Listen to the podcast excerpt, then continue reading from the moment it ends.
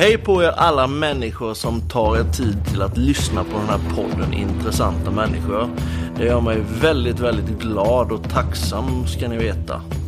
Jag hoppas att ni finner mina gäster vara intressanta och att de har någonting att förmedla. Det tycker i varje fall jag. Jag tycker det är jävligt bra folk jag fått i podden. Jag är extremt nöjd med det. Podden finns självklart även på Instagram och på Facebook och jag hoppas att ni följer den där såklart. Vill ni vara med och sponsra podden eller marknadsföra er själva eller slänga in lite reklam så går det självklart bra. Lite beroende på vad ni är för företag såklart. Men skriv ett PM på Facebook eller Instagram så löser vi det. Jag hoppas nu att ni får en trevlig och bra stund tillsammans med mig och gästen och eh, återkom gärna med lite reflektioner om ni känner för det. Sköt om er och ta hand om er. Hej hej!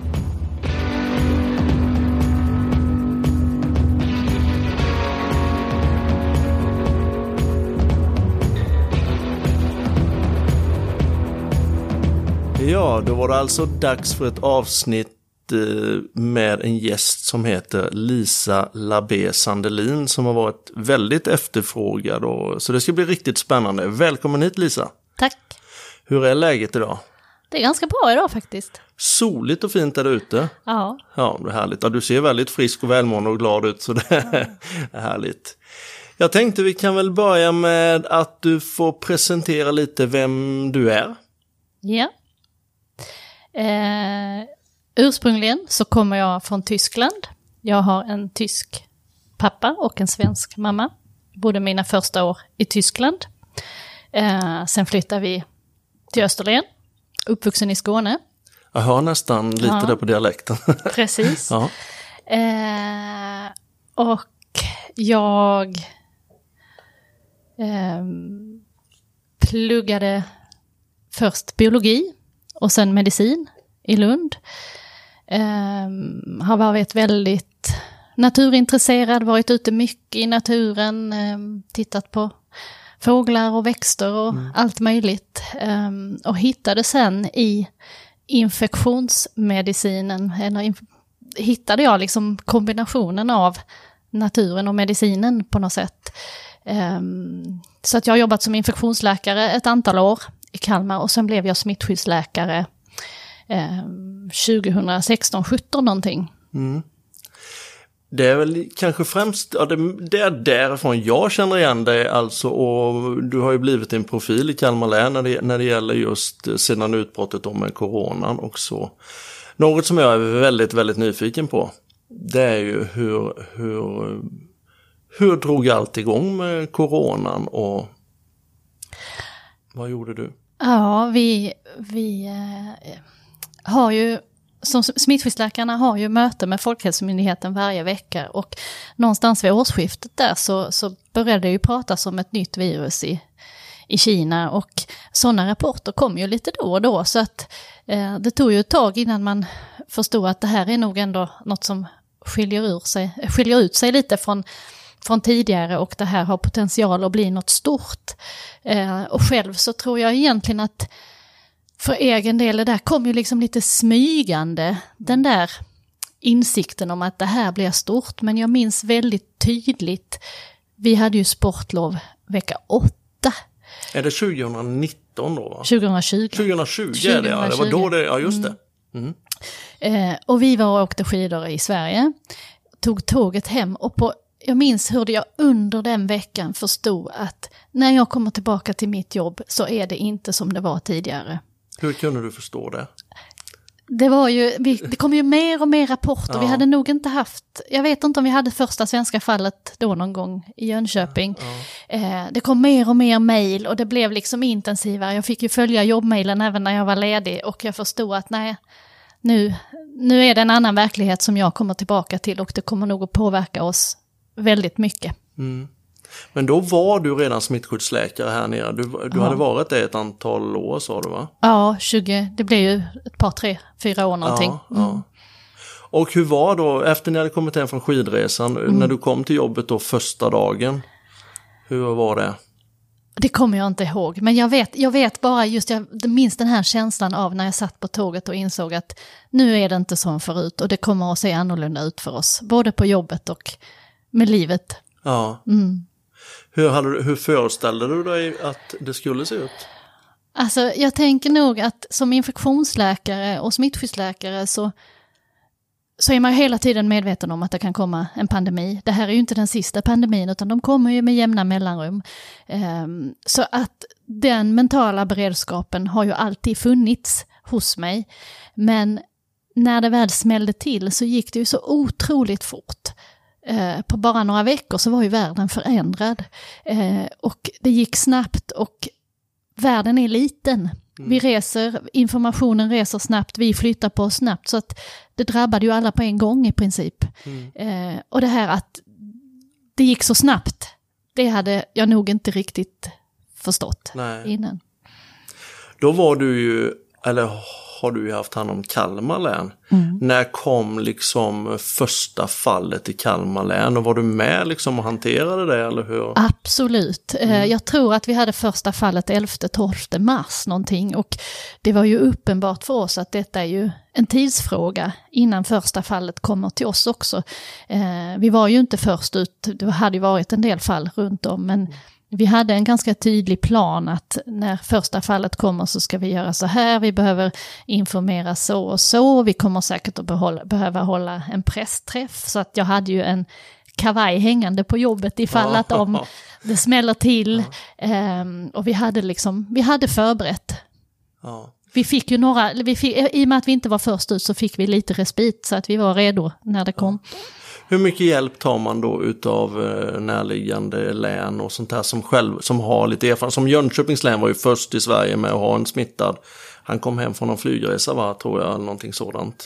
Den. Eh, nej, det var, det var nog en kvinna som hade varit i Kina tror jag. ja, Eh, så var, det, det. Eh, vi har ju ett väldigt nära samarbete eh, med, eh, eller nätverk med smittskyddsläkarna runt om i Sverige och med Folkhälsomyndigheten. Så vi utby, utbyter ju erfarenhet löpande kring de här frågorna. Ja. Hur går det till? Nu har jag en bild i huvudet om att alla smittskyddsläkare sitter på Teamsmöte och sen så pratar ni vad som händer och hur de har hanterat felen och eh, problemen och ger tips och råd till varandra. Eller hur, hur fungerar det? Ungefär så är det. Det är så, Eh, ja. ja och, och innan pandemin så hade vi ju ett möte i veckan och i pandemins början fick vi växla upp till två möten i veckan. Ja. Eh, och nu är det väl tillbaka på ett igen, men det är, man försöker utbyta erfarenheter. Som smittskyddsläkare då, hade du varit med om någonting, li- eh, nej, det förstår jag att du inte har, men har du, varit- vad liksom var det närmsta du hade varit med om som man kan, inte jämföra, men dra åt samma håll åtminstone?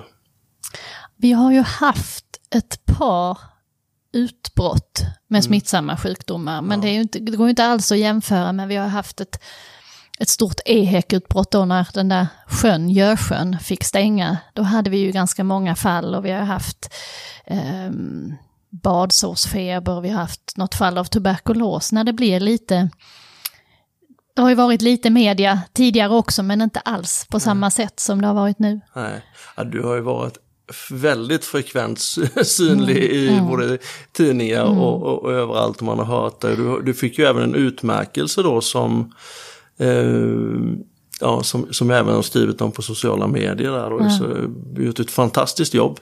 Tack. Men hur, blev, hur var arbetsdagarna för dig under den här tiden? Under den mest hektiska Ja. tiden i början? Ehm, nej men man kan nog säga att intensiteten har följt de tre vågorna. Va? Så att det var ju oerhört intensivt första våren. Eh, sen har det varit intensivt hela andra och tredje vågen också. Och framåt liksom slutet på tredje vågen här i våras, då hade man ju kört på under väldigt lång tid på väldigt högt tempo. Men, men när det var som mest intensivast så hade jag ju möten inbokade varje timme, inklusive lunchen. Allting naturligtvis eh, via video. Eh, och ehm, det trillade in mejl, det ramlade in kanske 100-150 mejl om dagen. Eh, och man skulle hinna läsa in sig, samla in information, man skulle liksom hantera det operativa också. Så att det var ju väldigt, väldigt intensivt. Och ehm, tredje vågen då i våras, då var det ju också så att ehm, Nej, men jag jobbar ju hela tiden. Mm. Hela tiden. Jag kom hem till dukat bord, barnen var hämtade av maken, satt och käkade lite, däckade i soffan en liten stund, sen fick jag gå och sätta mig vid datorn igen. Mm. Och sen så när jag stängde, fäll igen datorn klockan 11 på kvällen, för nu är dagen slut, då hade jag inte ens hunnit läsa alla dagens mejl. Eh, under en period när det var som värst. Helt makalöst. Mm. Men då alltså om jag, om jag tänker så här smittskyddsläkare, då jobbar man, du är ju inte ute på avdelningen och, och kollar till eh, nej, patienterna nej, på så nej. sätt, utan jobbar du mer som informat informationsmässigt då eller hur, hur hanterar du? Um, alltså det står väldigt tydligt i vår smittskyddslag vad smittskyddsläkarens uppdrag är. Ja. Uh, och smittskyddsläkaren är hela samhällets myndighet för smittsamma sjukdomar. Um, och jag tycker att före pandemin så var det ju många som trodde att jag bara jobbade med frågor inom vården, men så är det ju inte alls. Och det har ju pandemin verkligen visat att, att alla har vänt sig till smittskyddsläkaren med råd, eller, och vill ha råd. Eh, så vi har ju jobbat, jag och mina kollegor på smittskydd och vårdgen, vi har ju jobbat ut mot jättemånga verksamheter. Eh, vi har jobbat via Länsstyrelsen med krissamverkan där alla kommunerna finns samlade och all samhällsviktig verksamhet. Eh, vi har jobbat mot stora företag, vi har jobbat mot skolor, skolorna jobbar vi mycket mot fortfarande. Vi har jobbat mot små företag, mot, mot alla möjliga. Mm. Så smittskyddsläkaren har ett väldigt stort uppdrag och ska också ingå i uppdraget att ha koll på läget, att övervaka smittsamma sjukdomar och att ge allmänheten stöd och råd för att minska smittspridning. Men jag träffar ju inga patienter, Nej. utan jag är ju liksom byråkrat kan man säga. Va? Ja, ja, precis, precis. Men har du, du har en personalstyrka förmodar jag som, ja. du, som du hanterar då, ja. som är ganska många personer som ingår i den. Vi har ju tack och lov kunnat uh, utökas lite under pandemin, mm. men vi sitter på en enhet som heter smittskydd och vårdhygien. Och smittskyddet är ju liksom uh, samhällets myndighet, en mm. egen myndighet till och med, och smittskyddsläkaren utses av regionstyrelsen, så att det är ganska speciellt. Mm. Medan vårdhygien um, kan man säga, jobbar för att förhindra smittspridning inom vård och omsorg. De är ute mycket på avdelningarna och har mycket dialog med kommunen kring det här med hur ska vi minska smittspridning på särskilda boenden, basala hygienrutiner och så. Så att vi, vi jobbar tillsammans på vår enhet och vi är väl um, ett par läkare, det har varierat lite hur många vi har varit och uh, något fler sjuksköterskor och vi har uh, också en administrativ del och en kommunikatör på halvtid så att vi är en mm. tiotalet personer, någonting sånt. Ja. Men du säger smittskyddsläkarens roll och smittskyddsläkarens uppgift. Mm. Är det, finns det bara en smittskyddsläkare i hela Kalmar län? Det är kanske dumma frågor jag ställer, nej, men, men det här nej, är sånt där man undrar. Absolut. Finns det, det finns... Alltså för Kalmar län är ju ganska stort. Det finns en ordinarie smittskyddsläkare i mm. varje region. Mm. Eh, och hos oss sammanfaller ju länet och regionen. Eh, och sen kan man ha ett antal biträdande smittskyddsläkare. Eh, men det är den som är ordinarie smittskyddsläkare som är myndigheten. Ja. För det finns i vissa sammanhang så måste man agera som myndighet och det kan handla om, det handlar väl mycket om, vad ska vi säga, STI, alltså sexuellt överförbara infektioner, klamydiaärenden och liknande mm. kan vara, eh, hanteras. Men så att det varierar lite grann, så vi är ju eh, två personer till då, förutom jag, som kan ha axla rollen som biträdande smittskyddsläkare. Mm. Och nu, just nu är jag ju tjänstledig och då är det ju en annan person som har gått in som tillförordnad smittskyddsläkare. För man måste alltid ha en smittskyddsläkare. Ja, ja. Anledningen till att du är tjänstledig nu, är det för att du känner att det har liksom varit för många timmars arbete kring just coviden? Eh, från början så är det ju så att jag, jag, i och med att jag har ena foten i biologin och andra foten i medicin så har jag ju snöat in på forskning i gränslandet däremellan så jag håller ju på med fästingburna infektioner, ovanliga fästingburna infektioner. Eh, och jag har forskat på det i ganska många år och skulle ju egentligen slutföra min avhandling här under hösten och våren 2020-2021 mm. men det kom ju något annat i vägen. Mm. Eh, så att det blev ju bestämt för ett ganska långt tag sedan att jag skulle vara tjänstledig i höst för att kunna gå i mål med min avhandling. Eh, och någonstans nu är jag ju ändå väldigt tacksam för att jag får göra något annat ett tag, för det har varit otroligt intensivt. Ja. Mm. Men hur, alltså man pratar ju om att bli arbetsskadad. Mm. Jag är ju ganska arbetsskadad, jag på, fast jag har hållit på med helt andra saker, med bilar och däck och fälgar mm. och sånt. Så jag går ju alltid mm. och tittar på parkeringar och fälgar. Mm. Men hur, hur, hur, hur visar sig arbetsskadan som smittskyddsläkare? Är det det att du tänker liksom ja, här är större risker att bli smittad, eller hur? Absolut, absolut. Så, ja. ja, ja. Och redan innan pandemin så var man ju, har man ju, det som jag ändå hoppas att pandemin har gett allmänheten är ju en större medvetenhet om det här med att ja, men det är viktigt att tvätta händerna, det är viktigt att nysa så att man inte nyser ner någon annan, det är viktigt att stanna hemma när man är sjuk. Det där är ju för mig som smittskyddsläkare, det är ju så självklart. va. Mm. Eh, och det hoppas jag att många får tänka till att ja, men det här är ändå lite, det gör kanske lite skillnad. va. Eh, men, men det yttrar sig ju definitivt så att, att om jag är ute någonstans, eh, jag var på något större museum här under sommaren där jag blev så frustrerad över att det fanns ju fortfarande ganska mycket restriktioner och då var det ju så att man stod i kön till buffén för att ta mat. Men för att ta kaffe var man tvungen att gå igenom den här kön. För att kaffe, liksom bordet stod bakom kön. Och då menar jag att då har man ju inte underlättat för besökarna att, mm.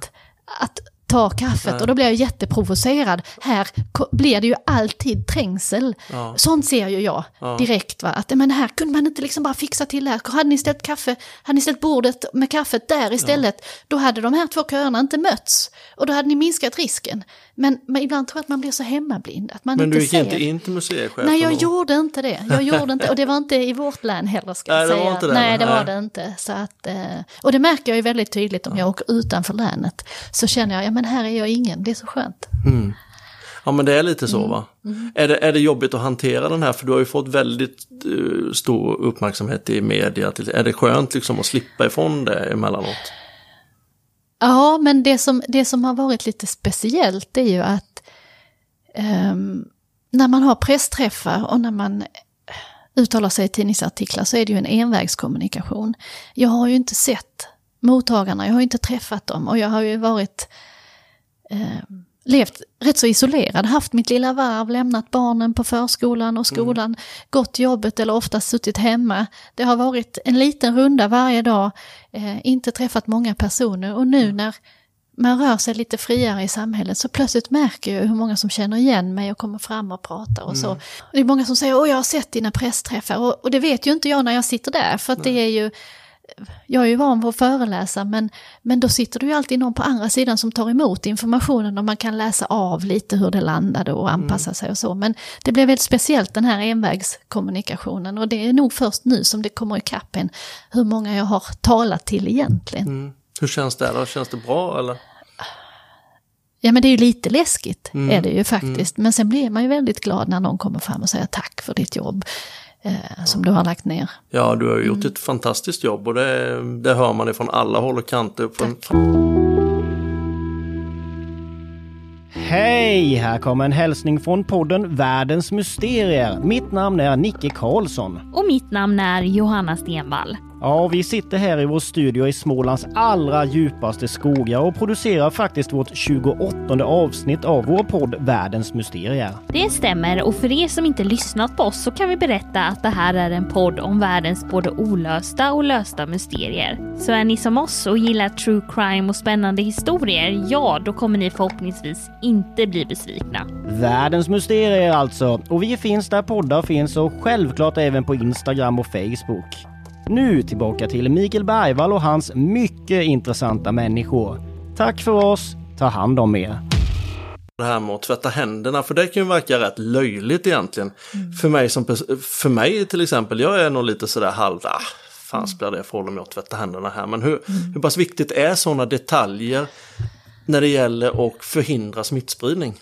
Um, det är ju olika, olika infektioner sprids på olika sätt. Ja. Uh, och utmaningen med, med covid-19 är ju att vi visste ju för lite, för, vi visste ju ingenting från början. Vi jobbar ju i vården alltid efter eh, vetenskap och beprövad erfarenhet. Och vi hade ingen vetenskap och vi hade liksom inte testat oss fram heller. Så att allting var ju nytt och då får man ju extrapolera från det man kan sedan tidigare. Eh, och jag tror ju egentligen att det här med handtvätt för coronavirus, det är kanske inte det viktigaste. Det viktigaste är att hålla avstånd och stanna hemma när man har symptom. Eh, och också liksom, om man är utsatt för smitta så ska man inte träffa någon eh, Alltså man ska isolera sig. Ja. Um, men, men jag tror att handtvättsritualen är viktig på så sätt att den liksom ökar medvetandet hos oss om att saker och ting kan smitta. Och vi har ju också sett väldigt tydligt att andra infektioner har gått ner jättemycket under coronapandemin. Det har varit en väldigt tydlig minskning av eh, mag-tarminfektioner. Mm. Det har varit en tydlig minskning av infektioner som, som brukar öka på vinterhalvåret. Vinterkräksjukan, RS-virus, influensa hade vi inte ett enda fall. Um, det har varit eh, en stor minskning av reserelaterade infektioner. Det handlar ju om både att vi har rest mindre, det handlar om att vi kanske inte har träffat så många som Nej. vi har kunnat bli smittade av. Vi har, vi har varit försiktiga och vi har tvättat händerna. Och handtvätten kanske har påverkat andra infektioner mer än coronaviruset. Men just det här att man får tvingas tänka till, ja, vad har jag gjort? Vad har jag gjort med mina fingrar? Vad var de nyss? Så va. Um, Ja, ja, det är jätteviktigt. Men det är ju sådana detaljer som man kanske tycker som, som låter, van, vanlig Svensson, mm. att man, man liksom kanske bara nonchalerar sådana saker fast som egentligen mm. är jätteviktiga då. Men nu då som sagt, som, om, vi tar, om vi tar hur jag tänker nu och hur jag tror att väldigt många tänker med mig, det, nu när man har fått beskedet att man ska släppa lite på de här restriktionerna. Det känns precis som att, eh, rätta mig om jag har fel, men det känns precis som att alla, nej nu är det ingen fara längre, allt mm. eh, har blåst över. Är det verkligen så? För det, det, kan ju liksom inte bara blåsa över så snabbt. Pandemin är utan tvekan inte över. Och den kommer ju att leva med oss länge och vi kommer ju, eh, vi kommer ju fortsätta ha smitta i eh, de ovaccinerade grupperna. Mm.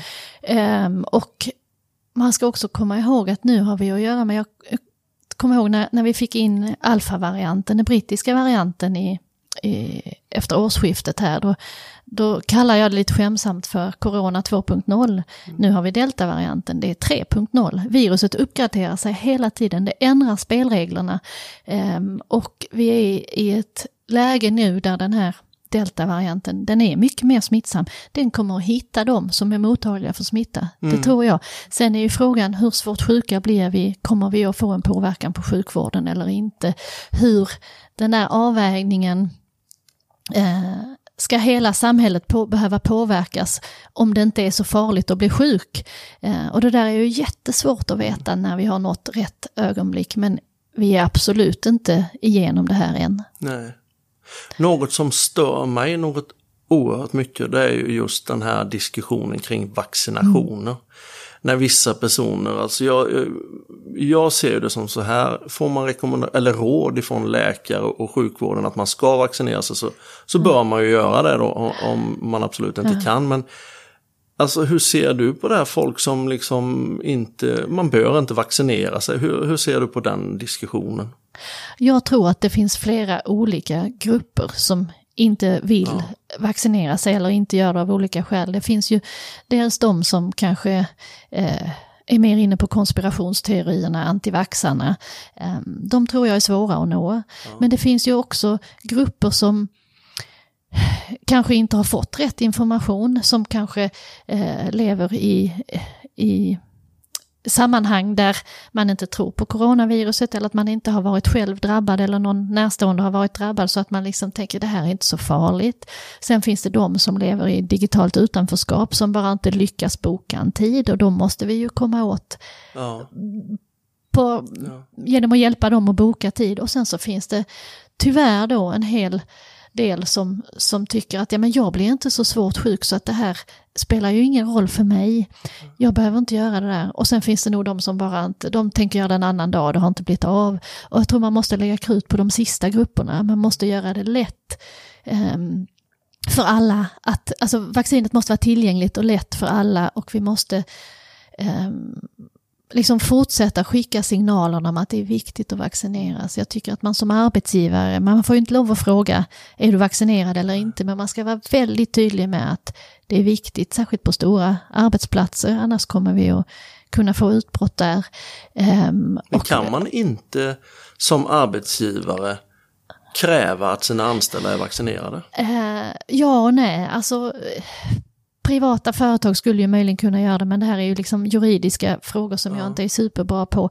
Ehm, men, men man får egentligen inte, inom vård och omsorg får vi ju egentligen inte lov att fråga. Man kan fråga vid nyanställning, men man kan liksom inte säga upp någon för att man inte är vaccinerad. Och det där är ju mycket diskussioner kring det som mm. pågår nu. Ehm, och borde det liksom inte vara att man som hälso och sjukvårdspersonal borde man inte, har man inte en moralisk skyldighet att, att vaccinera sig. Sen finns ju också en väldigt liten grupp som faktiskt inte får ta vaccinet, men Nej. de är försvinnande små, få, alltså mm. så, att, så att de, det är inte de som kommer att driva smittan vidare, utan Nej. det kommer de här stora grupperna. Och det som är bekymmersamt, tror jag, med, eh, det är att det här kommer att uppträda fläckvis. Geografiskt eller i grupper som hänger tillsammans och då kommer ju smittan att leva vidare där. Mm. Men vad säger själva smittskyddslagen kring det här? Um... Alltså det måste finnas, för det finns ju, alltså man har väl informationsplikt Ja men precis, Nej, men om man har blivit smittad har mm. man ju en, en, en, både en skyddsplikt att se till att ja. andra inte eh, utsätts för smitta, men, men vaccinationerna går inte riktigt in där. Eh, och i Sverige har vi ju valt en väg med frivillighet och eh, det tror jag ändå är rätt för Sverige. Um, vi har ju en oerhört stor anslutning till barnvaccinationsprogrammet till exempel. Ja. Um, men men uh, vi har ju inte tillräckligt hög vaccinationstäckning än så länge för att vi ska bli av med det här. Många använder ju det som ett argument just för att inte vaccinera sig. Det är just det här med narkolepsin och, ja. då när, ja. när det kom. Men det, alltså som, jag, som jag ser det, som är väldigt, väldigt mycket lekman kring det hela, ja. det är ju att det argumentet håller ju inte riktigt eh, kan jag inte påstå. För det finns ju vax, vaccin som man tar mot polio och allt annat och som, som självklart eh, man önskar ju att man hade tid att sätta sig ner med varje individ ja. som har de farhågorna och förklara det här är ett helt an, en helt annan typ av vaccin. Eh, och, och, vi har ju också allt eftersom tiden går så får vi ju oerhört mycket data från hela världen på, mm. på biverkningar och de är ju sällsynta. Um, så att eh, det finns ju säkert en del som har velat vänta för att se om det kommer någon överraskande biverkan som man inte har sett från början. Men jag tycker att nu, nu är vi ju där att nu kan man inte skylla på det längre Nej. heller. Men ifall nu den här gruppen fortsätter att välja att stå utanför mm. och vaccinera sig. Mm. Alltså blir det inte Alltså är det inte meningslöst för alla andra att vaccineras också då? Det är inte meningslöst såklart men, men man... Alltså det vaccinationen gör, det viktigaste den gör, mm. det är att skydda mot svår sjukdom och mot död. Mm. Eh, och genom att vi vaccinerar så många som möjligt så skonar vi hälso och sjukvården. Eh, och vi kan ju också liksom som individ, om man är vaccinerad, kan man ju släppa den där rädslan man kanske har gått och burit på att jag kommer att bli svårt sjuk i covid. Eh, för det tror jag många har varit jätterädda. Och att vaccinationen blir en trygghet då. Att, men, men man ska komma ihåg att inget vaccin är hundraprocentigt, man kan fortfarande eh, bli smittad och man kan tyvärr fortfarande också föra smittan vidare även om man är dubbelvaccinerad. Mm. Um, och det kan ju vara så att vi behöver anpassa vaccinerna efterhand. Men, men nu diskuterar ju Folkhälsomyndigheten om det är så att de som inte är vaccinerade ska ha särskilda um, restriktioner. Mm. Så det får vi väl se här vad som kommer framöver. Jag vet ju om i andra länder att det finns arbetsgivare, större arbetsgivare som, som har ställt som krav på vaccination, mm. annars är de inte välkomna mm. till arbetsplatsen. Mm. Och uh, det här är min högst personliga åsikt, i Sverige är vi lite för mjäkiga med sådana saker. Alltså, eh, mm. Jobbar man i en hotellreception eller såna, så, på sådana anställningar så jag tycker personligen att då ska man ha som krav att man har en vaccination. Men det är min högst personliga åsikt då. Jag tänker att det, det finns en, kan finnas en del juridiska begränsningar i det, men jag tycker att man som arbetsgivare verkligen kan signalera att här är det viktigt att vi är vaccinerade utan att det blir ett tvång eller ett ja, krav. Så kan det. man ändå säga, vi tycker det är viktigt att du som jobbar hos oss är vaccinerad. Det tycker jag vi borde göra mer. Mm. Um. Jag, jag hörde en intervju med, med, en kille igår som driver någon, jag vet inte vad det är, men någon jättestor klubb nere i Malmö. Och han sa det att då från och med det datumet, det är väl snart var den 29 eller vad är det? Mm. 29 september. Ja. Eh, från det datumet då, då kan vi äntligen släppa på tusen personer på dansgolvet igen. Alltså, det går... För mig låter det väldigt, väldigt konstigt om vi ena dagen har fullt med restriktioner och sen den 29 september, fine, nu är det bara ut och dansa och nu är du ute på krogen, nu kan du stå i baren. Alltså det, det, det rimmar väldigt illa alltså. Men om vi återgår då till ditt jobb som smittskyddsläkare, nu är du tjänstledig som sagt. Men hur pass mycket grävande är det? Hur mycket får du serverat när det gäller information och hur mycket får du själv gräva? Um, ja, det var en bra fråga faktiskt. Alltså man måste ju, jag, måste ju, jag måste ju hänga med. Jag måste ju Ja. läsa själv jättemycket och jag måste följa nyhetsflödet. Jag är ju egentligen inte en sån som tycker det är så jättekul. Nej. Eh, orkar inte läsa tidningar och sånt, men jag har fått göra det nu och jag märker ju också hur, nu när jag har det lite lugnare, att jag har blivit så beroende av telefonen, måste hänga med, kolla, vad, och framförallt då lokalt, va? vad händer här? Eh, och sen har man ju, liksom, får vi ju hjälp av Folkhälsomyndigheten med det vi kallar för omvärldsbevakning är ju jätteviktigt, att de fångar upp det som händer i omvärlden. Ehm, och ehm, det handlar ju inte bara om att fånga upp information och anpassa riktlinjer, utan man måste också fånga upp behov i olika grupperingar. Att det kan vara så att man ser att åh, nu är det mycket skolfrågor, nu får vi ha ett samverkansmöte med skolföreträdarna till exempel. Eller nu är det någon annan vi behöver stötta, då får vi liksom sätta oss ner tillsammans och, och se hur vi kan hjälpa varann.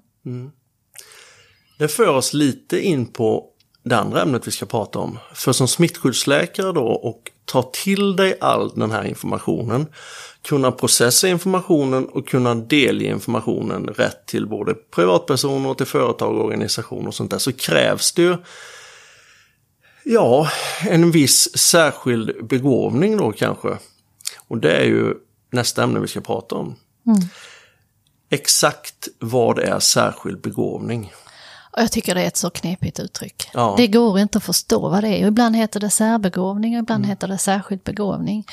Eh, och eh, det är ju, kan man säga, ehm, Men alla personer, om vi tar den här rollen som smittskyddsläkare, det förstår ju alla att det är ju inte vem som helst som kan ta emot all den här informationen och kunna delge den i sin tur vidare på ett korrekt och bra sätt. Det klarar inte alla människor av, så är det bara. Nej, nej. Alltså den som är särskilt begåvad, man pratar ju egentligen mycket om det när det gäller barn. Eh, jag har inte pratat så mycket om den när det gäller vuxna, men, men den som är särskilt, det är barn som är särskilt begåvad, man säger att det upphör aldrig att förvåna, det kan liksom mer för sin ålder och man, man har en förmåga att lära sig nya saker snabbt, att förstå komplex information och liksom sätta den i sitt sammanhang och kanske kunna förklara sen också. Ehm, och du som är intresserad av bilar, det finns en väldigt bra liknelse. Tänk dig att vår förmåga att lära oss nya saker är som hastigheten på en bil. De allra flesta, de kör runt i 100 km i timmen. Sen finns det då de som kör 70 km i timmen. De får särskild skolgång i särskolan. Sen finns det de som kör 130. Men de får sitta med de andra i alla fall. Eh, och det här är ju kanske då barnen som, som liksom har förstått uppgiften som fröken delar ut på en stencil innan hon har delat ut den till alla i klassrummet. Ehm, och som då ska sitta och repetera och repetera och repetera. Och det är det värsta man kan göra när man redan har snappat allting. Va? Ehm, och, och när man pratar om särskilt begåvade barn i skolmiljö så blir det ju många gånger så att man pratar om att de får de inte utmaningar på sin nivå så slocknar de. Och de kan, de kan gömma undan att de är duktiga, de kan ehm, bli stökiga, man kan missta det för något annat. Ehm, och Har det, när du säger man kan missta det för något annat, Mm. eh, är det, kan någonting annat vara ADHD till exempel? Ja, precis. precis. För att i och med att man, man säger så här, de här barnen och vuxna, de har spring i huvudet. Det snurrar i huvudet hela, hela, hela tiden. Då är jag nog väldigt särskilt begåvad. Ja, ja nej, men, men det kan du säkert vara. Alltså, Nej, men, men, tveksam. att, att, ja, men att det snurrar och snurrar och man liksom ska ha in, man måste ha input hela tiden. Man, man klarar inte av att bara sitta still och inte göra något. Eh, Men är inte problemet då lite, du säger att vissa döljer ju det här. Ja. Och vissa nästan... Eh, Men alltså slocknar, man vill inte gå i Nej, skolan. Precis. Ja. Men kan det vara liksom så här att man, när man är lite, jag vet ju själv, jag kan ju fortfarande säga vilka det var när vi gick i trean, fyran, femman som var bäst i våran klass. Mm. Men som höll en väldigt låg profil. Men vi som var lite busiga då, vi höll ju inte någon jättelåg profil. Nej. Men är det för att, alltså är det liksom så att man nästan skäms för sitt, sin begåvning eller hur? hur? Jag tror att det finns ju alla varianter. Va? Så, att, så Mm. att det handlar ju om hur du är som person, hur du hanterar det där. Ehm, och du behöver springa av huvudet först. Eh, och får du inte din utmaning så kanske du Antingen så kan du bli hemmasittare och du vill inte gå i skolan för vad lär du dig där? Ingenting för du ska sitta och räkna 3 plus 5 plus 3 plus 5 plus 3 plus 5. Eller så kan det vara så att du måste få utlopp för den där rastlösheten på ett fysiskt sätt. Att du stökar runt i klassrummet och att, eller att du blir klassens pajas eller att du sitter och gungar på stolen. Ehm, så att jag tror att det här finns ju liksom det kan ta alla möjliga uttryck. Ja. Ehm, och man brukar säga att det finns en eller några elever i varje klass som har den här förmågan. Ehm, men det är inte alltid självklart att man ser vilka det är. Nej. Det behöver inte vara de som har bäst betyg. Nej. Men dras, eh, är det någon sån här form av automatisk dragning? Eller liksom att de personerna dras till varandra? Eller, eller försöker man hänga med vissa olika grupper av människor bara liksom för att dölja det här lite? Ja, och, alltså eh, du vet om man går på en liten skola, jag är också uppvuxen i, i småstad va? Ja. eller i, i, i ett litet samhälle.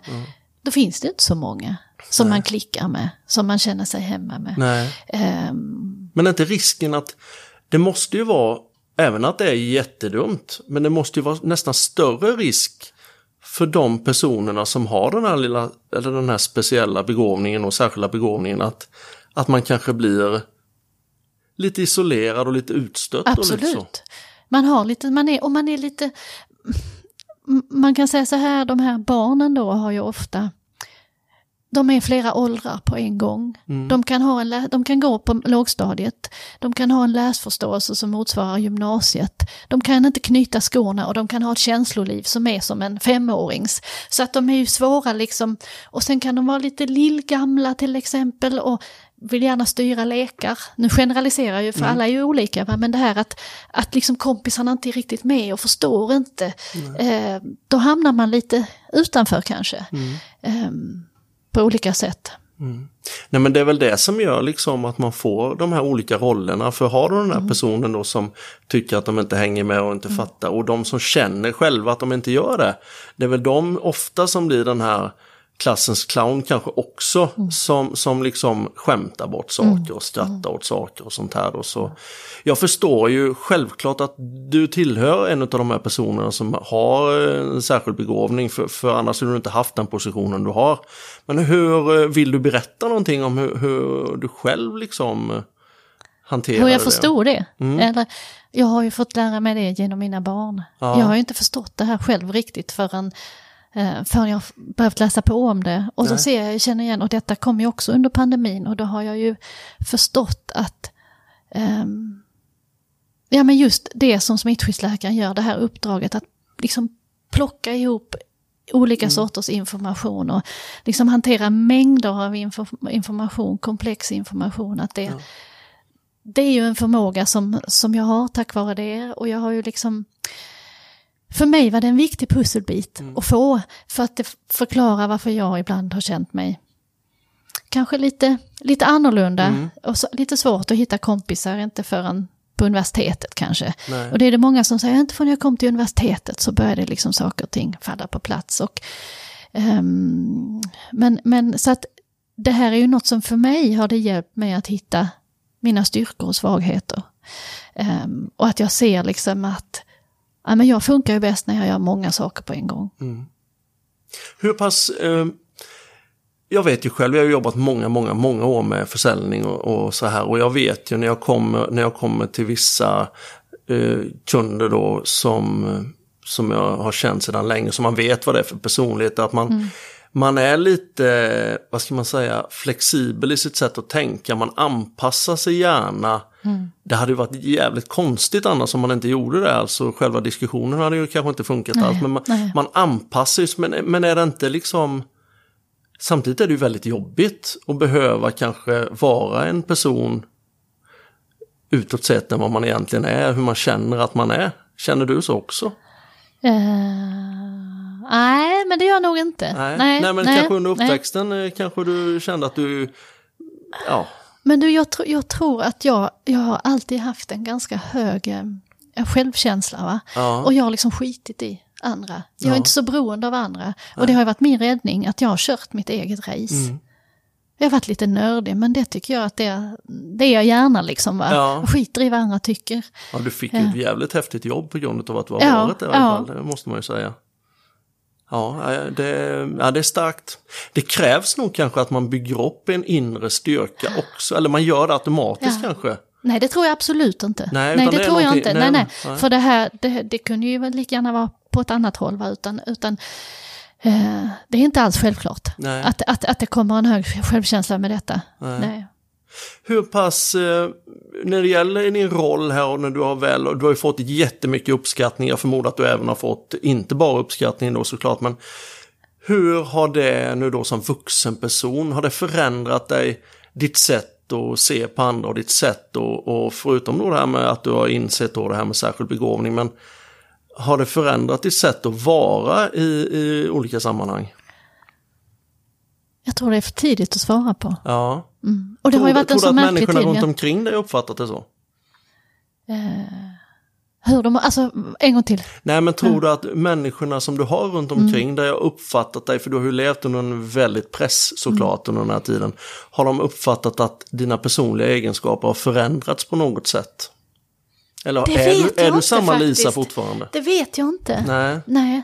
För är man, är man jag, ifall jag relaterar till, till andra saker och ting som händer, ifall, ifall du blir väldigt, väldigt uppskattad som artist, går från ingenting, sen över natten blir du en uppskattad artist till exempel. Då kan ju personligheten liksom formas lite efter, efter just den uppskattningen.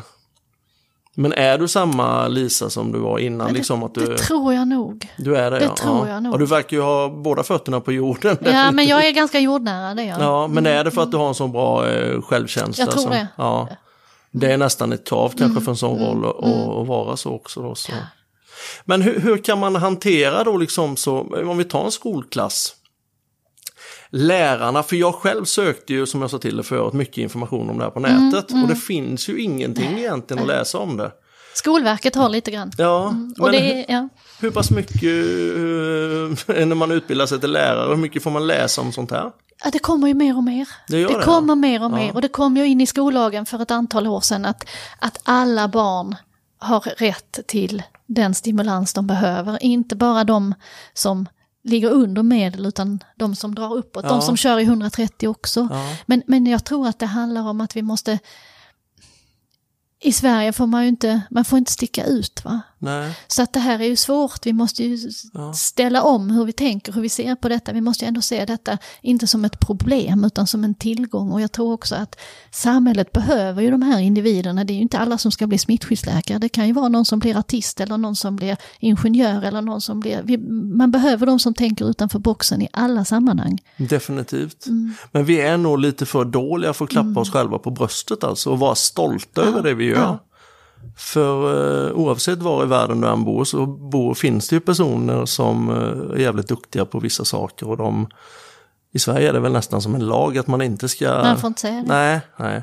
Men du, det här lite, jag är ganska idrottsintresserad också. Det har ju kommit mer och mer inom idrotten, även sådana saker inom idrotten då som om du till exempel spelar i en formation i ishockey och man är fem spelare på plan. Sen har du en kille eller tjej som, som är inte har hunnit lika långt i utvecklingen. Eh, och nu försöker man anpassa nivån på det här stället då så man kanske flyttar om så att de som ligger på samma nivå kunskapsmässigt och talangmässigt, de spelar tillsammans och de som kanske inte hunnit lika långt i utvecklingen spelar tillsammans. Är det på samma sätt man ska hantera skolgången tycker du? Det vill säga Eh, att, Jag förstår. Ja. Nej men det måste man inte med nödvändighet. Utan, utan det handlar ju om att man, man måste våga utmana de här eleverna. Man måste ge dem utmaningar och det kan man ju lösa på många olika sätt. Och, och jag tror ju, jag har ju själv förälder som är lärare så att det är inte, det är inte lätt. Nej. Och för, för lärare som ska göra så mycket och hinna med detta och en sak till liksom som man ska fixa. Ehm, och det kan vara provocerande om, om det är en elev som kan mer än läraren. Ehm, men, men en sak som kan vara bra är ju att man många gånger de här barnen som tänker lite snabbare att, att de får träffa varandra någon gång ibland och diskutera olika saker eller ha något eget projekt ihop. Då kan de blomma upp lite grann. Det behöver inte vara varenda lektion så att säga. Va? Utan, Nej, och det borde ju vara lika naturligt som det var när, som när jag gick i, i grundskolan. Då hade vi ju obsklasser till exempel. Men det Och då- fanns, aldrig, fanns aldrig motsvarande Nej, för de som var aldrig snabba. nå- nej, men då, för det är för att man är för rädd för det här elittänkandet. Ja, Och det är ju, ju mer man tänker på det, ju mer vi pratar om det, alltså, det är ju jävligt intressant, alltså Mm. väldigt intressant ämne är det ju.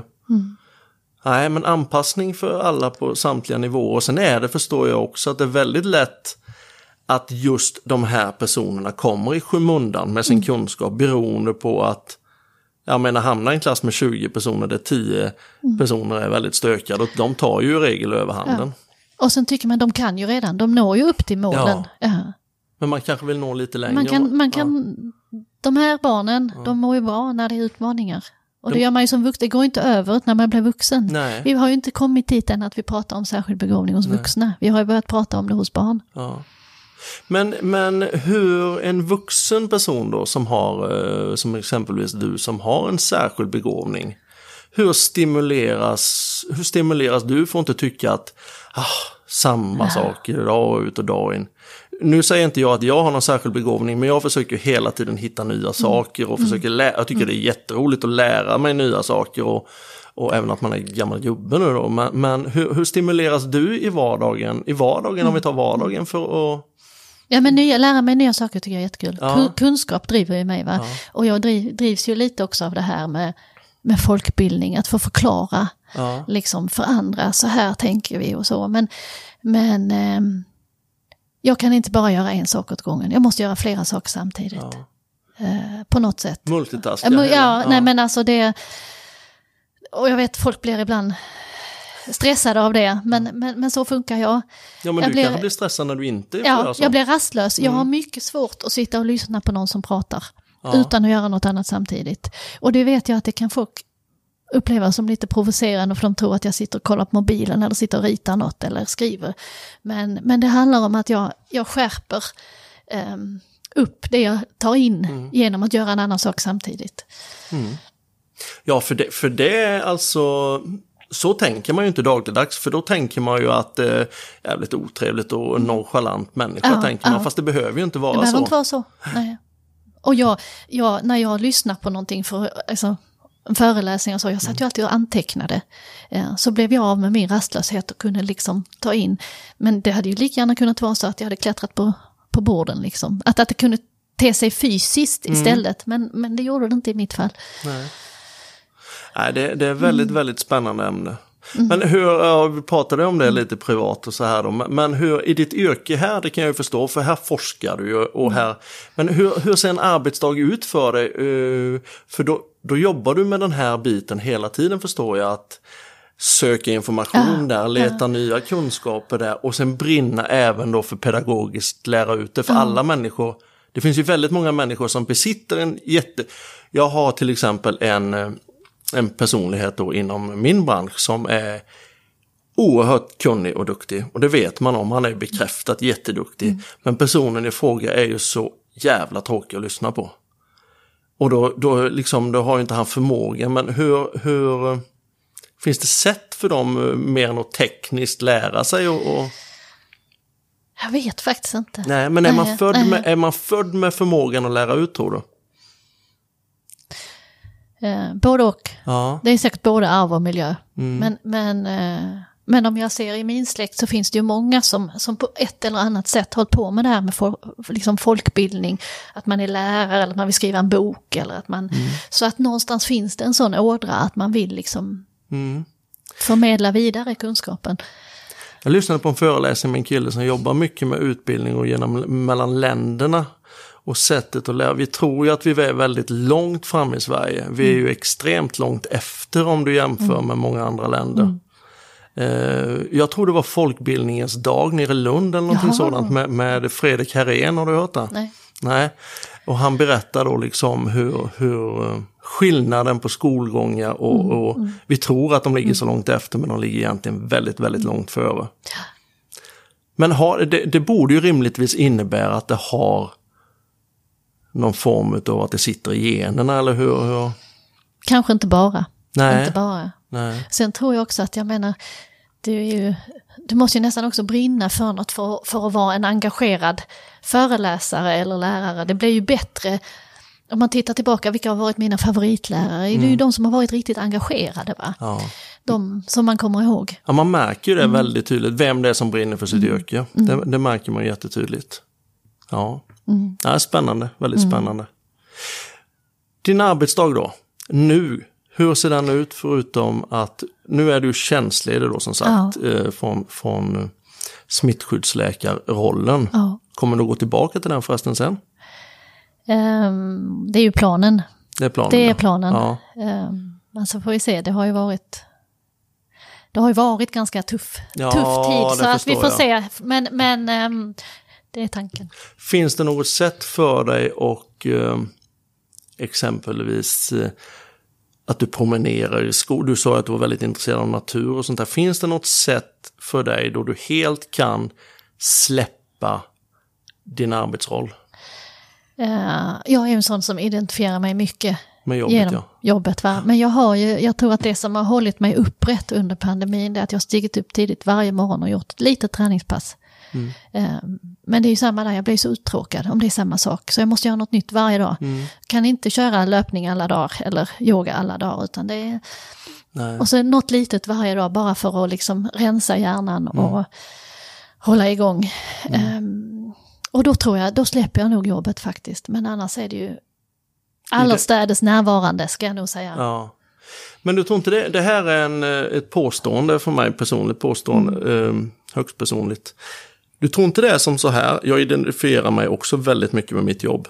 Nu är inte det på något sätt lika viktigt som ditt jobb självklart, men du tror inte att det fin finns risk, nu är det många år kvar i och för sig till pension, du tror inte att det finns risk den dagen man går pension och du inte har ditt jobb att gå till att, att man faller in i någon form av depression, för då känner man att nej, jag är inte, Ja, är jag inte självklart. behövd. självklart. Mm. Och hur ska man göra då för att hantera det? Ehm, I min släkt så slutar man ju inte jobba. Man gör inte det? Nej. Nej. På ett eller annat sätt har man kvar. ehm, Ja. mång- många har fortsatt på något sätt. Mm. Ehm, Ja, för för man ju... vill inte hamna där när det plötsligt är tomt. Liksom, va? Nej, Mm. jag har jättesvårt att se det. Jag jobbar 200 procent och sen helt plötsligt, eh, nej.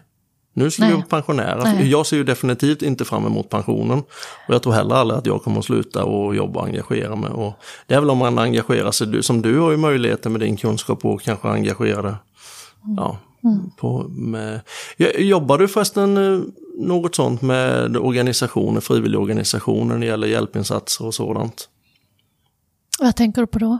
Jag tänker exempelvis organisationer som gör insatser för, eh, för barn i andra länder eller, eller någonting. Det någonting du brinner för menar jag utöver din roll som... som Jaha, du tänker så. Ja, ja, som inte har med pandemin att Mm. Ja, som göra, utan jag som person. ja. Ja, ja, men jag har ju varit oerhört naturintresserad, så jag, har ju, jag var ju med många år i Fältbiologerna. Mm. Ehm, och ehm, tyvärr så har jag de senaste åren inte riktigt hunnit med eh, naturen, men annars, det är nog det jag brinner för. Jag är ju gärna ute va, och tittar Ja, på några konstiga växter eller några fåglar eller tar mig, alltså så va. Det, det är ja. nog Men det är inget du forskar i eller så? Ja, men det, jag tang, det tangerar ju lite det här med fästingarna. Det är ju Ja, är lite klart. grann, lite grann det och jag har plockat fästingar från flyttfåglar så att, eh, eller det var inte jag som plockade av Nej. dem men, men jag har tittat på de Men fästingarna. vad, vad gör man då?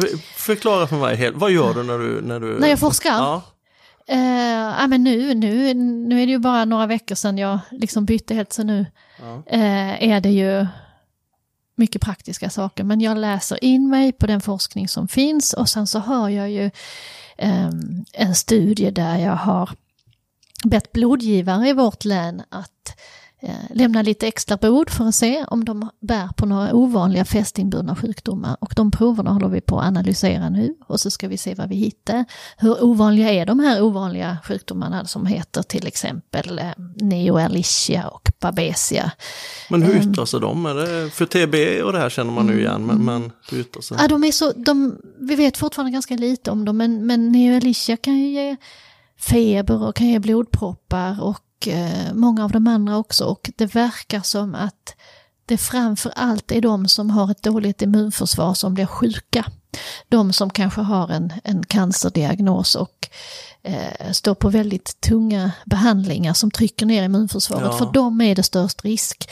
Eh, och då är frågan hur ska vi hitta dem? För att om de kommer med feber och kanske blodpropp så tänker man men det kanske är cancern som spökar.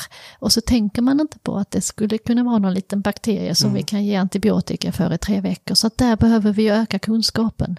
Det är lite det jag gräver ner mig i just nu. Men, men hur, just fästingar, hur kom det liksom, kom det bara upp för dig en dag att fästingar ska jag forska om?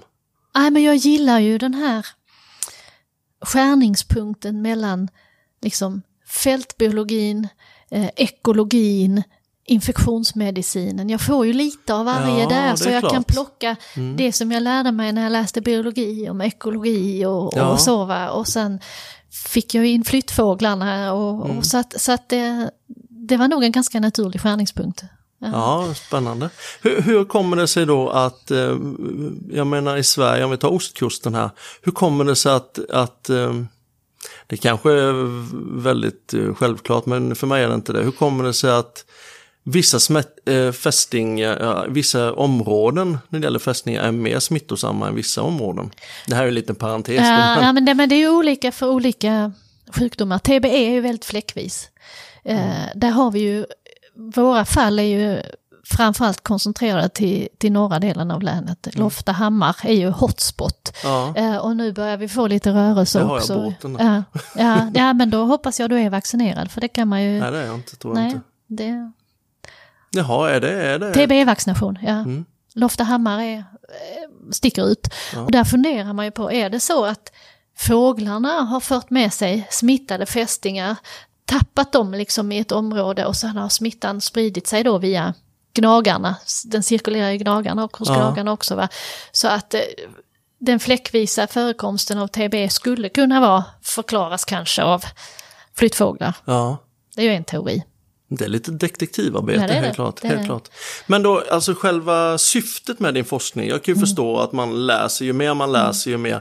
Men stannar det bara hos dig så är det ju liksom, då är det ju du som bär på kunskapen. Men sen när du liksom har fått fram resultaten som krävs för att liksom, ja nu är det fastslaget Mm. att så här är det. Hur kommunicerar du det sen till dina kollegor? Är det bara den på smittskyddsenheten? Nej, eller? nej, nej. Alltså, man, man, man, skri, man ska ju skriva artiklar Ja. i vetenskapliga tidskrifter. Ja. Eh, och det blir ju internationellt. Så att där kommunicerar man ju ut till andra vetenskapsmän runt om i världen Mm. som forskar på samma sak. Eh, och sen så är det så att genom att vi tar reda på hur det är hos oss så kanske vi kan ta fram riktlinjer för hur vi ska hantera det hos oss i Sverige. Och det vill man ju, när det är okända områden så vill man ju veta mer. Så att i bästa fall kan det ju leda till att vi ökar kunskapen både hos allmänheten och hos läkarna att hitta de här ovanliga fallen. Och, och frågan är ju lite, hur ovanliga är de? Behöver vi tänka på dem varje dag eller bara ibland? Ehm, så, så att ehm, jag Ja. hoppas ju att det kommer alla till gagn Ja. så småningom. Ja. Men sån här forskning, alltså, jag förmodar att du inte bara kan komma till sjukhuset och säga så här, ah, nu vill jag forska om fästingar, nu vill jag ta känslighet och forska om, utan man får anslag och sånt här till, till, ja. till just de här. eh, Eh, Ja, man har ju hos oss har vi det ju faktiskt väldigt fint att man kan via eh, regionen få liksom en särskild tjänst där man har en del forskning och en del att man jobbar kliniskt så att Ja. säga. Eh, Men känner du att det stimulerar intellektet tillräckligt? det det var en svår fråga. Just nu är det fullt tillräckligt för just nu är jag lite sliten men vi får se Ja, sen om några ja. månader vad jag känner då. Ja. Eh, Hur lång tid tror du det tar innan du återhämtar dig rent eh, ifrån? Åh, jag vet inte. Nej. Jag vet inte. Det, det tar nog ett tag, tror jag. Men ändå är det jobbet som gör att du återhämtar dig. Ja, den är intressant. Det är Men så härligt. är det. Ja, det är härligt. Ja, då tog vi en liten paus här nu då och drack lite vatten och eh, under den tiden så spottade jag ut snusen och då fick jag viss information här som jag inte riktigt känner till. Vad var det egentligen Lisa? Jo, men, men som smittskyddsläkare så är man ju hela tiden, det är ett detektivarbete va. Pandemin har ju tagit bort det lite grann, men i vanliga fall så jobbar vi ju mycket med smittspårningar och hur kan någon ha blivit smittad av en viss smittsam sjukdom.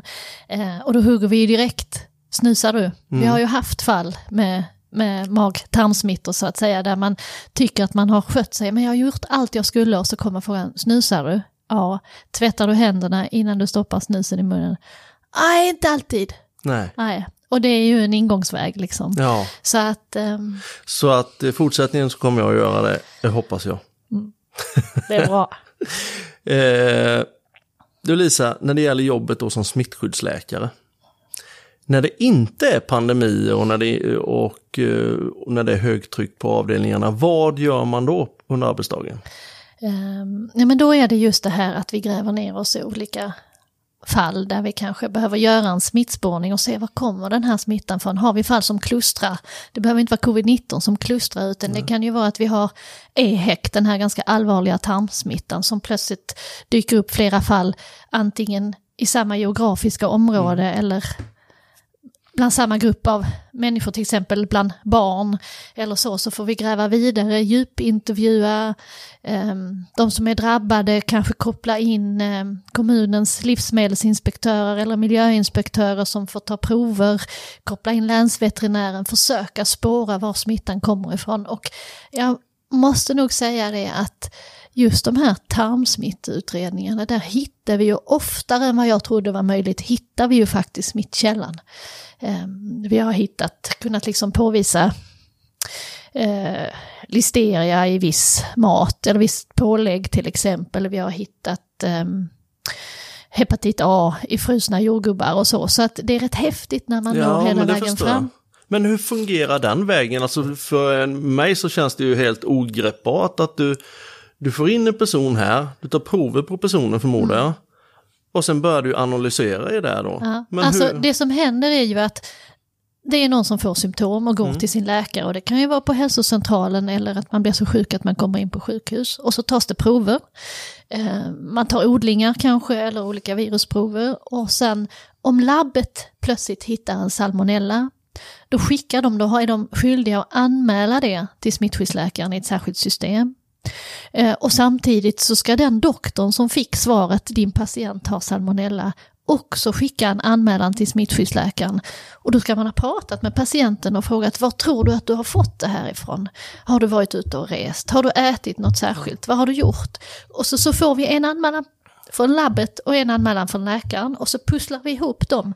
Och sen ibland så behöver vi då gå vidare och prata med patienten. Ringer vi på smittskyddet upp patienten och frågar eh, hur, kan det, hur tror du att du kan vara smittad? Och har vi då vi har ju så häftiga metoder idag så att vi kan se om vår salmonella här i Ankarsrum till exempel, om den klustrar med en salmonella i Norrtälje eller i Kristianstad. vad menar du klustra? Att Det betyder att det skulle kunna vara exakt samma sorts salmonella, att man, man gör liksom genetiska analyser som visar att det här är samma sorts salmonella på flera ställen i Sverige. Då har vi ju ett nationellt utbrott och då brukar Sa- Folkhälsomyndigheten samordna detta och då kanske vi skickar en enkät till alla som är drabbade med tusen och en frågor.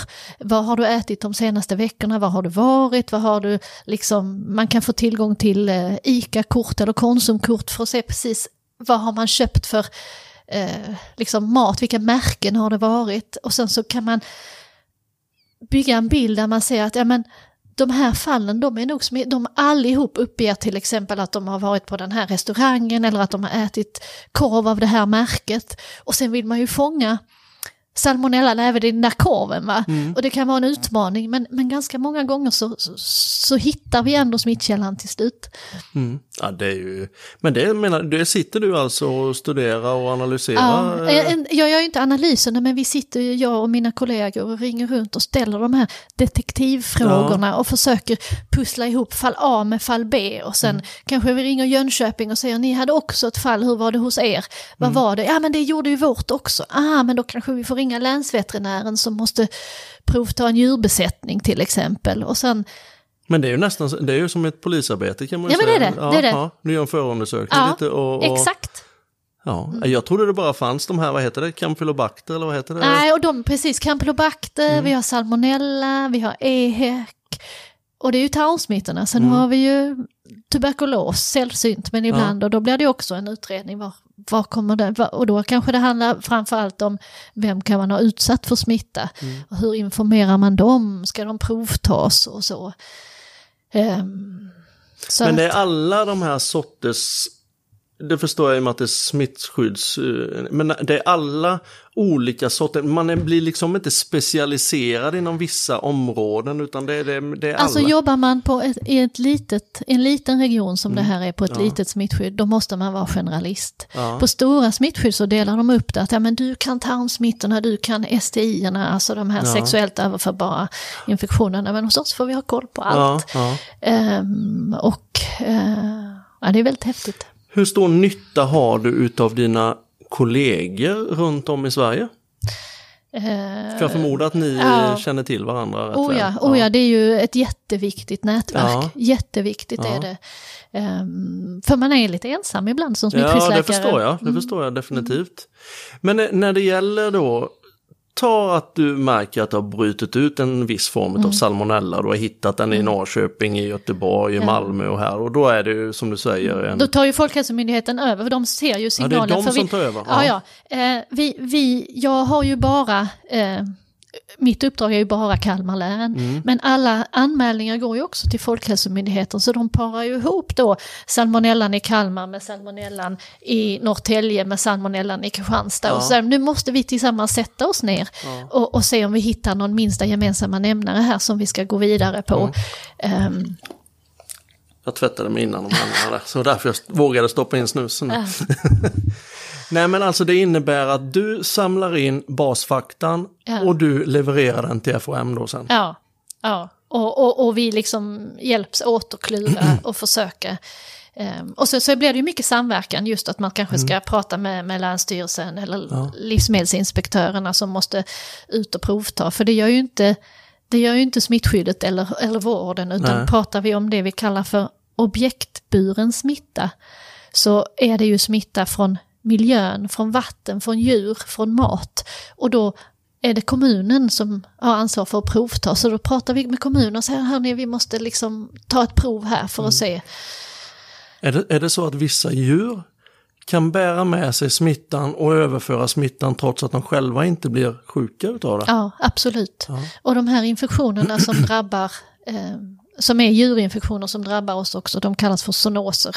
Ja. Eh, Men hur, hur eh, en liten konstig fråga, men kan även djur, alltså djur kan alltså drabbas utav samma smitta som vi, ja, fast det ter sig på annorlunda sätt och beroende på organ och sånt Ja, där. ja. Och, och hur.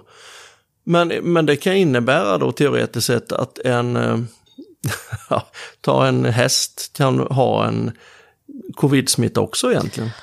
Eh, Covid vet vi väl lite lite om Ja. hur det liksom yttrar sig hos andra. skulle, teori, ja. Ja, kanske inte covid just har jag inte hört om hästar, men vi har ju andra, andra infektioner som hästar faktiskt eh, teoretiskt sett skulle, skulle kunna eh, sprida till oss. Som vi har sett någon, några enstaka fall har jag sett av kvarka hos eh, människor. Så att Ja. säga, det här är ju, det är ju en sån sjukdom man inte vill ha in i häststallet så att säga. Nej. Ehm, Nej, jag tänkte på det, för du sa just det när du, när du pratade om snus förut. Har du varit i stallet och sen har du Mm. Ja. gjort så här? Och jag har ju varit rätt mycket i stallet. ja, Och, ja. Men eh, ja, det är väldigt intressant. Innebär det att ni även har samarbete med veterinärer? Och, Absolut. ja, för absolut. det borde ju vara en väldigt stor, eller en del i varje fall. En del av det vi jobbar med har ju varit, i, i år har vi till exempel haft en hel del EHEC-fall, de här, Ja. den här tarmsmittan som tyvärr ehm, ibland, särskilt hos små barn och hos äldre, kan göra att njurarna fallerar. Fa, eh, f- eh, utveckla lite EHEC. Jag- EHEC, eh, EHEC är en sorts E. coli-bakterie som är lite speciell, som, ehm, som sprids med, med mat och vatten, alltså fekaloral smitta, den finns i avföringen och så sprids den ut någonstans. Eh, det finns utbrott kopplade till, vi hade ju stora, haft stora utbrott de senaste åren eh, med, alltså, vad heter det, så här grönt man tar, garnerar med. ehm, Inte krasse, men sådana bön- groddar. Ja, ja. Groddar till exempel, eller att det har varit i eh, nötfärs finns det, kan det finnas. ehm, och det handlar ju det här, det handlar om livsmedelshygien, att man, man gör rätt. Ehm, och EHEC är så pass att vi den kan bli så pass allvarlig, det finns väldigt många olika varianter av EHEC, men de farligaste varianterna, där försöker vi ju verkligen hitta smittkällan för att förhindra att fler blir sjuka. Är det dödlig utgång också på... Eh, Ja, men det är sällsynt. Det är sällsynt. ja. Men, men, men, men det händer att vi har barn som får EHEC som behöver dialys ett tag. Mm. När det gäller en, eh, när vi pratar om, om hygien och sånt här, livsmedelshygien och sånt. Det är ju, man läser ju ganska ofta att det är restauranger som får, får prickar och sånt här beroende på att de inte sköter hygienen. Och eh, jag har ju själv besökt en del restauranger runt om i Sverige där man liksom verkligen kan ifrågasätta det här med hygienen. Det gör man aldrig utomlands av någon konstig anledning, i varje fall inte jag. Men, eh, men hur pass... Är, har du någon som helst involvering i, i sådana Nej, frågor? det är ju ehm, den objektburna smittan, det är ju smittan med mat. Ja. Så det faller ju under kommunen och så är livsmedelsinspektörerna Ja. som är ute och inspekterar. Eh, men det kan ju vara så att vi får en signal om att det är eh, flera salmonellafall Mm. på en ort och att vi ringer oss, och de alla har varit, säger att de har varit på samma restaurang. Då ringer Mm. vi livsmedelsinspektören som säger, ja men där är de, de brukar sköta sig, eller här får vi nog kolla lite extra. Ibland så skickar vi ut specifikt, går de och tar prover, så de är liksom detektiverna Mm. på fältet. Ehm, Men hur, ja det är klart det är, det är ju inte ditt område då, men, men eh, då får de liksom en viss tid på sig att rätta till bekymret. Eller ja men det de där kan jag inte riktigt, nej, för det, nej, det är nej, deras precis, eh, nej, vi, kan, vi kan gå från det. tillsynen så att säga. Mm. Men då, då, då lägger du, under tiden det inte är några kraftfulla pandemier och Mm. sånt där, så lägger du väldigt stor tid till och, och forska och detektivarbete. Ja. Och, Smittspårning, smittspårning. utbildning. Vad är, ehm, vad är din utbildning du håller då? Du internutbildar mycket Ja, i... Framförallt inom vård och omsorg. Jag har pratat mycket om vad gör smittskyddsläkaren, vad är smittskyddslagen? Man har ju som läkare skyldighet att förhålla sig till smittskyddslagen och följa den och då vill ju jag att alla läkare som är verksamma i vårt län att de ska veta hur de ska göra om de får in en salmonella. Att de måste fråga patienten, att de ska anmäla till smittskyddet hur de ska göra.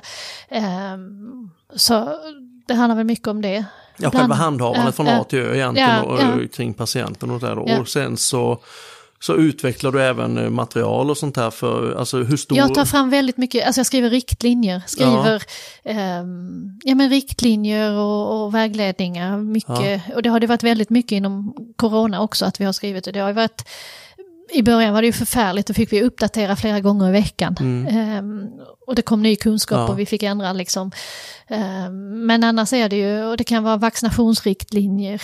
Uh, smittskyddsläkaren har ju också någon sorts samordningsansvar för vaccinationer. Ehm, nu har vi ju inom, när det gäller covid så har vi ju haft det i en särskild organisation, men annars Influensavaccinationen är ju på gång, där är ju smittskyddsläkaren involverad och så. Så att det är väldigt brett. Det är jättekul jobb är det. Ja, alltså jag, jag, när jag sitter och hör det här nu så bara tänker jag, jag som säger att jag håller på med massa så, men du har ju mastodontjobb är det ju.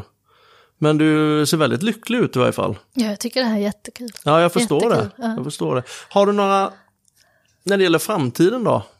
Eh, du är ju inte så gammal än. Hur, vad, är, vad är din ambition med, eller vision? Hur, hur ser det ut om fem, tio år för dig? Är du forskningschef då eller hur, hur eller är du jag vet ju att du vill eh, hela tiden jobba med lära dig nya saker i varje Ja. fall. Men hur, hur ser din vardag ut då? Eller din arbetsdag ut då? I, ett, Ja. en optimal arbetsdag Ja, för dig? nej men, nej men någonstans så hoppas jag ju att det aldrig mer blir så tungt som det har varit under Nej. ett och ett halvt år. Det har ju varit spännande på många sätt Mm. och mycket lärorikt och häftigt och utmanande.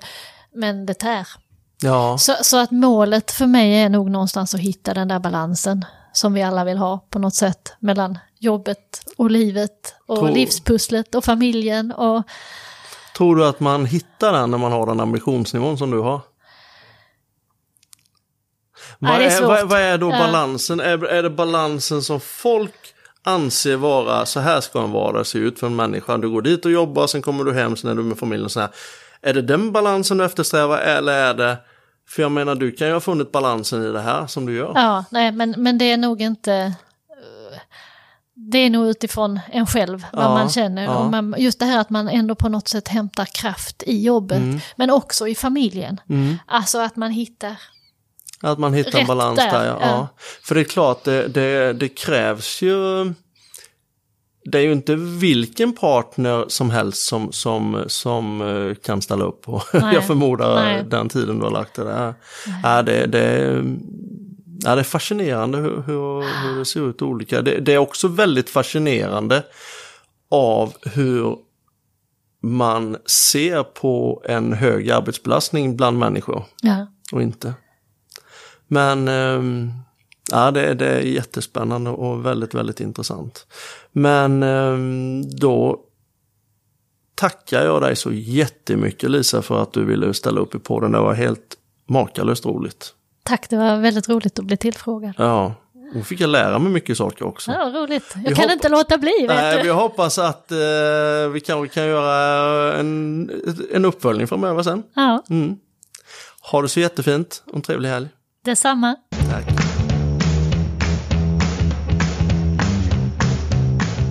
Ja, det var det avsnittet där i podden Intressanta människor. Jag hoppas att ni tyckte att det var någonting att lyssna på och att ni blev nöjda. Det finns ju även många andra avsnitt inspelade tidigare som ni jättegärna får lyssna på såklart och de hittar ni på Spotify eller överallt annars där poddar finns.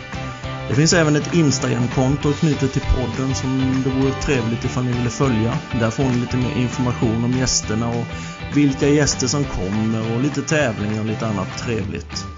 Mikael Bergvall heter jag och vill ni mig någonting så skicka gärna ett PM eller dra ett mail på intressantmänniska.gmail.com Nu får ni ha det så fortsatt bra så hörs vi. Ha det gött, hej!